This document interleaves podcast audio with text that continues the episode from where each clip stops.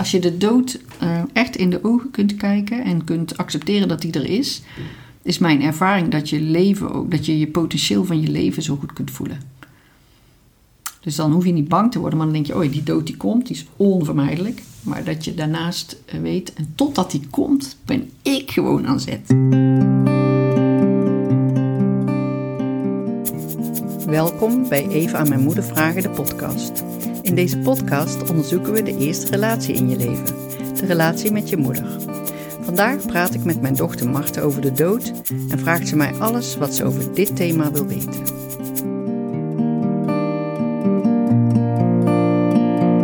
Mijn aller, aller, allereerste kennismaking met de dood was de cavia die onder de koelkast werd geplet. Vertel. Ik denk dat wij een jaar of acht waren denk ik. En de cavia mocht altijd los in huis lopen en we kwamen uit school.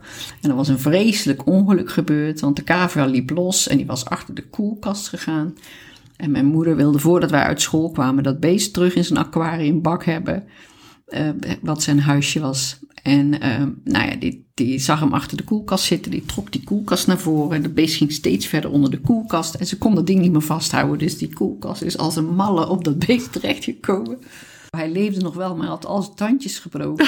oh, zie Dus dat was wel zielig. Ja, toen hebben we eigenlijk een soort van palliatieve begeleiding aan dat bezig gedaan. Voordat hij in een mooie schoenendoos na een fantastisch ritueel achter in de tuin begraven is. En kan je je nog herinneren hoe dat jouw moeder de dood aankondigde?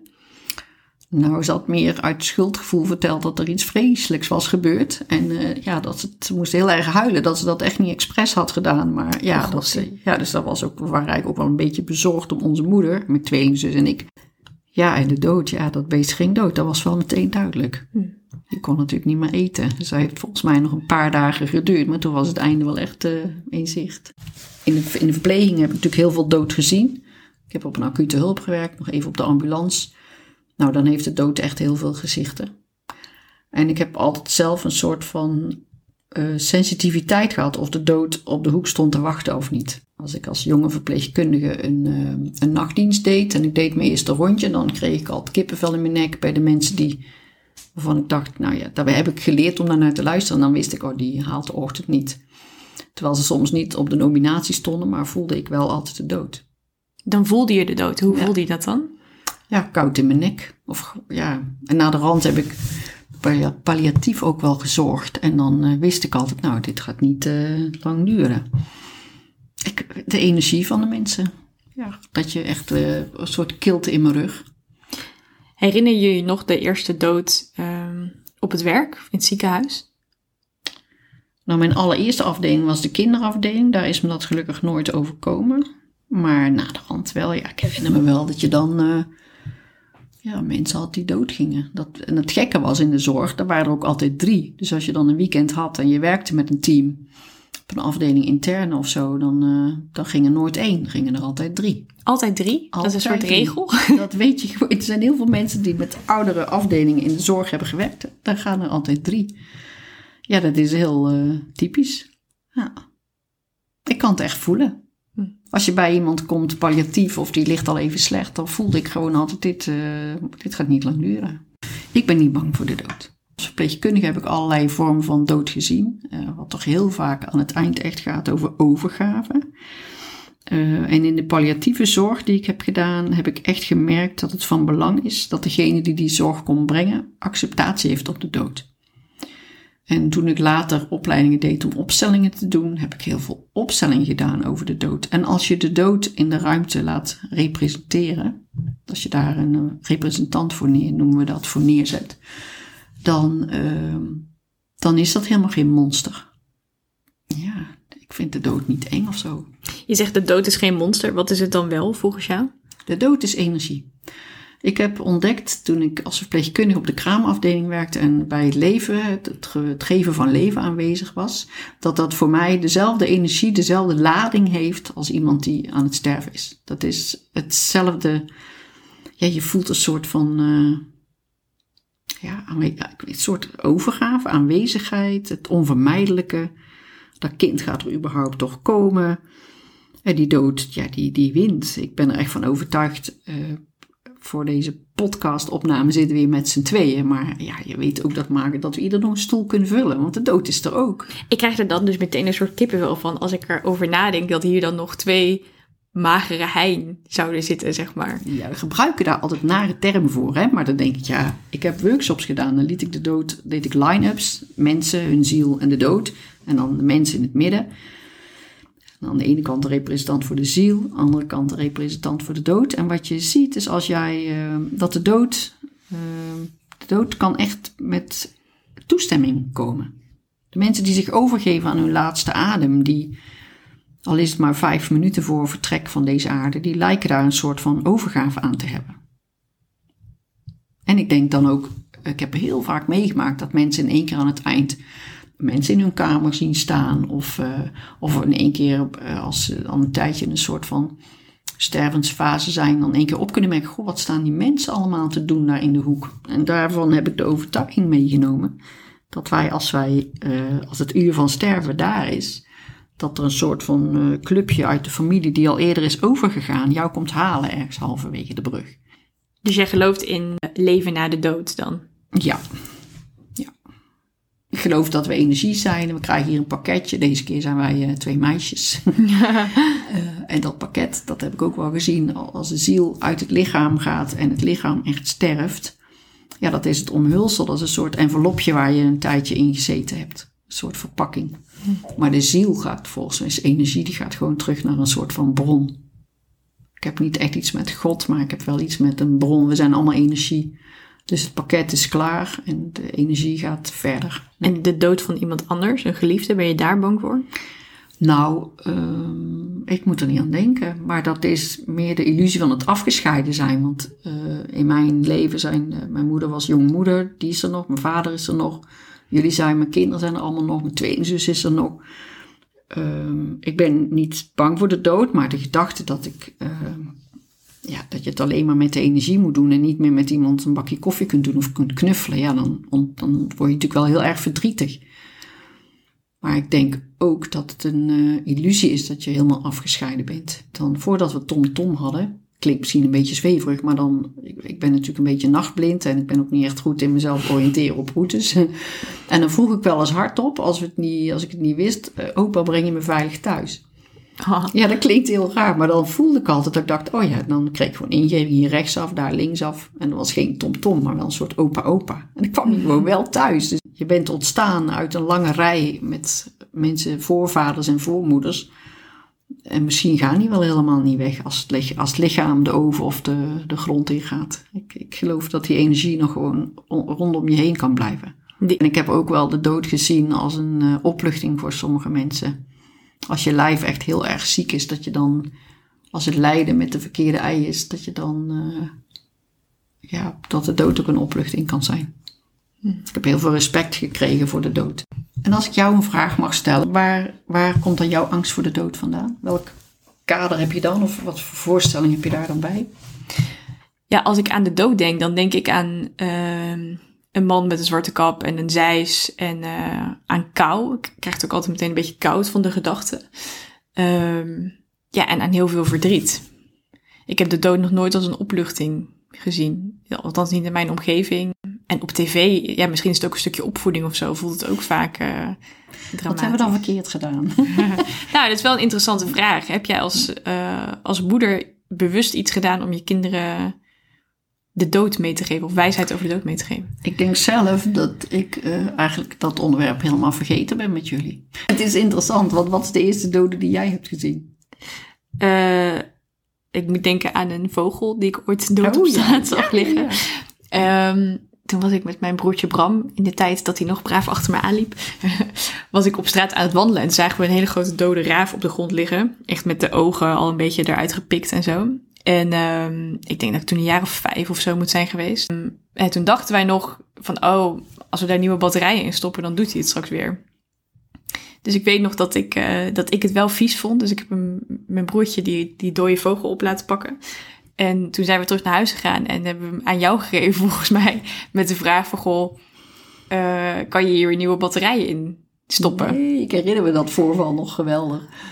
Jullie vroegen, mam, uh, kijk eens naar de vogel. De vogel, ja, de vogel is dood. Ja, maar kun jij dan, uh, en, en hoe moet dat dan, mam? Ja, de vogel gaan we begraven in de tuin en dan wordt, die weer een, wordt de vogel weer stof. En toen zei Bram, volgens mij, je broer, kun jij dan van dat stofje weer een nieuwe vogel maken? Hm. ik, was, ik heb natuurlijk altijd achter mijn naaimachine gezeten, ook met jullie erbij. Dat herinner ik me nog heel goed. Dus we hebben hem heel mooi in een doosje in de grond gestopt. Begraven, ja, ja. weet ik ook. Maar ik, ik vraag me dan wel eens af ja, jullie eerste associatie met de dood. Ik ben daar met jullie eigenlijk helemaal niet mee bezig geweest. Maar ik heb natuurlijk wel eens met visite of weet ik veel wat, wel eens iets over mijn werk verteld. Zonder dat ik uh, keek of de kleine uh, kindjes ook uh, luisterende oren hadden. Dus misschien heb je daar wel iets van meegekregen. Of je hebt iets gezien op televisie waardoor je die, die gedachten daarover hebt. Ja, ik, ik zelf ben gewoon nooit bang geweest. Maar ik ben eigenlijk naar mijn idee niet bewust bezig geweest om jullie daar een beeld van te vormen. Ik kan me niet herinneren in ieder geval. Ik denk dat een heleboel kinderen daar hun eigen beeld bij hebben. En dat het ook weer afhankelijk is van wie heeft al een hondje wat dood is gegaan. Of wie heeft er al een, uh, een oom of een tante of een vader of een moeder die is overleden. Ja, en we komen natuurlijk uit een familie waarin uh, zelfs mijn overgrootoma nog leeft. Die wordt uh, ehm, 100. Ja, die wordt 100. In februari. Uh, dus misschien dat we er ook weinig ervaring mee hadden als, als kleine kinderen. En dat je daardoor ook niet echt de skillset ontwikkelt om ermee om te gaan. Ik denk dat de dood echt zo'n onderwerp is. Uh, kijk, als er een nieuw broertje of zusje komt, dan bereid je daar je kinderen op voor. Want dan is dat aan de hand. Maar als je niet in je eigen gezin te maken hebt met de dood, misschien, het is ook nooit in me opgekomen om het daar dan met jullie over te hebben. Ja. Hetzelfde als over ziek zijn of zo. Als er geen kanker in de familie zit, ga je er ook geen voorlichting over geven. Nee, ook misschien omdat je kinderen ja, wil beschermen of een soort van ja, wil onthouden dat de, dood, uh, dat de dood er al is. Het is een soort hoofdstuk wat ooit nog eens aan de beurt komt als het zover is, maar niet waar je bewust mee omgaat. En als je nu vanuit jouw moederschap opnieuw iets zou kunnen meegeven over de dood, wat zou dat dan zijn? Dat je er niet bang voor hoeft te zijn. In mijn workshops over de dood liet ik mensen hun eigen dood in de ogen kijken. En dan merk je dat ze daar veel meer vitaliteit van gingen ervaren. Als je dan, als je weet die, dat je aanvaardt dat die dood er is, of een keer komt, hoef je niet tegen te vechten, want hij is er voor ons allemaal. Voor jou, voor mij, voor iedereen. Iedereen eindigt uh, aan het eind koud. Ik ben ook niet zozeer bang voor mijn eigen dood hoor, dat moet ik er wellicht bij vertellen. Ik heb meer dat ik soms um, van die irreële angsten kan hebben als, um, als bijvoorbeeld mijn broertje gaat, zegt van nou, ik ga even een rondje hardlopen. En het duurt dan net iets te lang voordat hij terugkomt. Dan heb ik zo'n gedachte. Oh, hij zal toch niet onder een auto zijn gekomen? Dus ik ben meer bezig, denk ik, met de angst voor de dood van mijn geliefde dan met mijn eigen dood. Ja, dat begrijp ik ook wel. Ik zelf ben natuurlijk al uh, aardig. Uh, ik word 57 dit jaar. En uh, mijn moeder is 77 en ik kan me echt betrappen op. Mijn hart kan nou al pijn doen van de gedachte dat zij er over tien jaar niet meer is. En dat slaat natuurlijk helemaal nergens op, want ze is hartstikke fit en heel levendig en ze is heel vitaal en helemaal met twee benen in het leven op onderwerpen waar het leven over kan gaan, over alles. Uh, maar ja, je wil, je wil iemand gewoon vasthouden. We hebben behoefte aan nabijheid. En je weet dat die nabijheid, die lijfelijke, dat bakje doen of even er zo eentje shoppen of door het bos, ja, dat gaat eraf. Dus het is meer het uh, verlangen ook om de tijd die je samen hebt optimaal te benutten. En daar alles uit te halen wat erin zit. Ja, ik moet nu denken aan dat jij vorig jaar ernstig ziek was, heel onverwacht. Um, en ik weet nog dat ik dat ook heel erg onbehapbaar vond. Omdat ik dacht, hè, maar ik heb nog mijn overgrootoma en mijn oma. En dan pas mijn moeder. Maar de dood hoeft natuurlijk niet altijd in chronologische volgorde te komen. En dat vond ik toen heel erg schrikken. Dat ik uh, uh, in gedachten heel erg dacht, oh, dat is nog heel ver weg. Want oma gaat ook pas dood als overgrootoma is overleden. En dan pas mijn moeder. Ja. Maar dat is dus eigenlijk niet zo kunt het ook omdopen tot een besef van sterfelijkheid. We zijn allemaal sterfelijk. Wij, gaan, wij hebben niet het eeuwig leven en ik zou het ook niet willen hebben. Maar het gaat erover dat je besef hebt van sterfelijkheid. En dan kun je twee kanten op. Je kunt helemaal gaan zitten in de angst. Oh jee, mijn moeder en oh, ik mag niet dood. Uh, of je kunt gaan zitten in hoe kan ik alles uit de relatie met mijn moeder of met mijn geliefde halen. Nu, dus, nu, nu we alle twee weten dat we sterfelijk zijn. En dat, maakt, dat geeft een andere vorm van zingeving of van betekenisvolheid. Kijk, dat je bang bent voor het afgescheiden zijn, wil gewoon zeggen. Hoeveel je van iemand houdt, nou omgekeerd evenredig gaat dat gat in je hart zijn als dat leven ophoudt van de ander. Maar het betekent ook dat je het potentieel wat je hebt in de relatie nu alles nog leven is, zo dat, dat je dat voelt. Je wordt geconfronteerd met het verlangen naar het benutten van het ongelooflijke potentieel wat in de relatie zit. En als je dat pakt, dan transformeer je die angst naar oh, wat kunnen we nog wel doen. En dan ga je dus niet denken, oh we zetten het volgend jaar pas op de kalender. Of uh, nou we wachten nog maar eens even af. Dan ga je het nu doen. Uh, dat is van moeders naar kinderen net zo. Hè. Je moet er niet aan toen jullie net je rijbewijs hadden en dan zelf gaat rijden. En, en je hoort tien minuten later een ambulance, denk je ook... dat kind met een rijbewijs net, die hangt nu ergens tegen een boom. Dat is allemaal irreëel. Ja, voor sommigen. En als het dan nog een keer wel reëel zou zijn, ja, dan is dat wat het is. Maar totdat het, het noodlot of totdat het, uh, het, de sterfelijkheid er is, uh, zit er potentieel in relaties. En daar gaat het volgens mij om dat je die helemaal leeft. Ik, je kunt niet altijd als moeder het beeld wat een kind heeft van de dood uh, veranderen. Ik denk als je drie kinderen hebt, dat alle drie de kinderen daar een ander beeld bij hebben. Ja. Maar het is wel interessant natuurlijk om het vanaf een bepaalde leeftijd, ik ben zelf geen moeder, geen idee wanneer, maar om het eens te inventariseren. Van hé, hey, wat, wat voel je daarover? Of wat denk je daarover? Wat doet dat met je? Ja, ik heb het niet gedaan. Ik denk ook wel eens, ja, ik had drie kinderen in vier jaar op de wereld gezet. En je weet dat ik naar de rand gescheiden ben van je vader. Dus, en, en een baan had en van alles. Dus ik heb geprobeerd om dingen bewust uh, uh, ter sprake te brengen. Maar ja, daar heb ik gewoon, ben ik niet mee bezig geweest. Maar dat is ook leuk, want daar hebben we nu deze podcast voor. En ik denk, uh, het is wel interessant vind ik om dat gesprek te voeren. Je wil als ouders je kind beschermen tegen iets wat pijn gaat doen. Dus dan ga je het ook niet over die dood hebben als we eerder huisdieren hadden gehad. Ik weet wel vroeger dat we, want ik had het over de cavia, maar we hebben vroeger ook wel katten gehad thuis. Die dan zo lijden hadden en dan moesten we ze af laten maken bij de veearts. En dat ik me wel echt weet, was snot en jankend met zo'n kat in een mandje naar die dierenarts ging om dat beest zijn laatste spuitje te laten geven. Ja, dat, dat, dus ik heb er zelf wel een soort van kader mee. Maar in mijn opvoeding van jullie ben ik, heb ik jullie geprobeerd om daar gewoon buiten te houden, denk ik. Ja. En is nou jouw beeld, uh, als je naar mijn verhalen luistert, veranderd over de dood? Ik denk wel dat het interessant is om uh, mezelf uit te dagen om er een soort nieuw beeld van te schetsen. Dus ik weet niet hoe dat het er dan uit moet zien, maar misschien dat ik daar gewoon eens over kan uh, fantaseren of een mindmap over kan maken of dus kan tekenen, weet ik het wat. Mm en ik vind het ook altijd wel interessant om dan aan andere mensen te vragen hoe dat ze de dingen hmm. zien. Maar dat ik er zelf een, een ander beeld van krijg. Ik weet nog toen jij in het ziekenhuis was vorig jaar en dat, het, uh, dat ik dacht dat je dood ging. Dat uh, mijn vriend die alle twee zijn ouders heeft verloren, toen zei van goh, ze gaat niet dood, vandaag niet. Maar op een dag wel. Dus het zou wel mooi zijn als je daar iets meer rust in vindt. Maar ik denk wel dat het boeiend is om eens na te denken, ja, hoe zou de dood er ook nog uit kunnen zien? Mijn opa zei altijd, angst is een slechte raadgever. En hij kon daarover meepraten, want hij heeft anderhalf jaar in een Duits werkkamp gezeten. Niet wetend, overleef ik dit, overleef ik dit niet. Hij heeft zijn eigen naam en geboortedatum op zijn arm getatoeëerd zelf, omdat hij zeker wilde weten dat mocht hem iets overkomen en hij toch de dood cadeau kreeg in het werkkamp, dat hij dan in ieder geval dat bekend was wie hij was, zodat zijn vrouw en kinderen niet zonder inkomen zouden zitten. Uh, mijn opa zei altijd, angst moet je in de ogen kijken. En als je, als je kijkt hoe ziet die dood er dan uit, of hoe, wat denk ik daar dan bij, dan kun je ermee uh, verzoenen. Of dan kun je voelen, ja, dient het mij om daar bang van te zijn? Want het gaat toch een keer komen. En uh, dat vond ik een mooie tip van hem. Dan denk ik, angst is niet je raadgever. Angst maakt dat je dingen gruwelijker ziet. Als het buiten donker is en je ligt alleen in je bed en je ligt ergens zorgen over te maken, dan is alles lelijker of enger. Of dan ja, dan heb, je, dan heb je een beeld. Terwijl als het dan de, de zon weer opkomt, dan heb je er gelijk een andere lading op. En als je, als je denkt hoe mooi dat je iets kunt maken, dan hoef je er ook niet bang voor te zijn. Dus kun je die angst over die dood in de ogen kijken en bedenken wat je nodig hebt. Ik zeg niet dat je ernaar moet verlangen. Maar het is wel interessant om eens te kijken wat heb je nodig om daar een ander plaatje bij je hoofd te krijgen. En misschien is zeggen ik ben er bang van al genoeg. Ja, dankjewel. Als je de dood uh, echt in de ogen kunt kijken en kunt accepteren dat die er is, is mijn ervaring dat je leven ook, dat je je potentieel van je leven zo goed kunt voelen. Dus dan hoef je niet bang te worden, maar dan denk je, oh die dood die komt, die is onvermijdelijk. Maar dat je daarnaast eh, weet, en totdat die komt, ben ik gewoon aan zet. Ja, dat gun ik iedereen.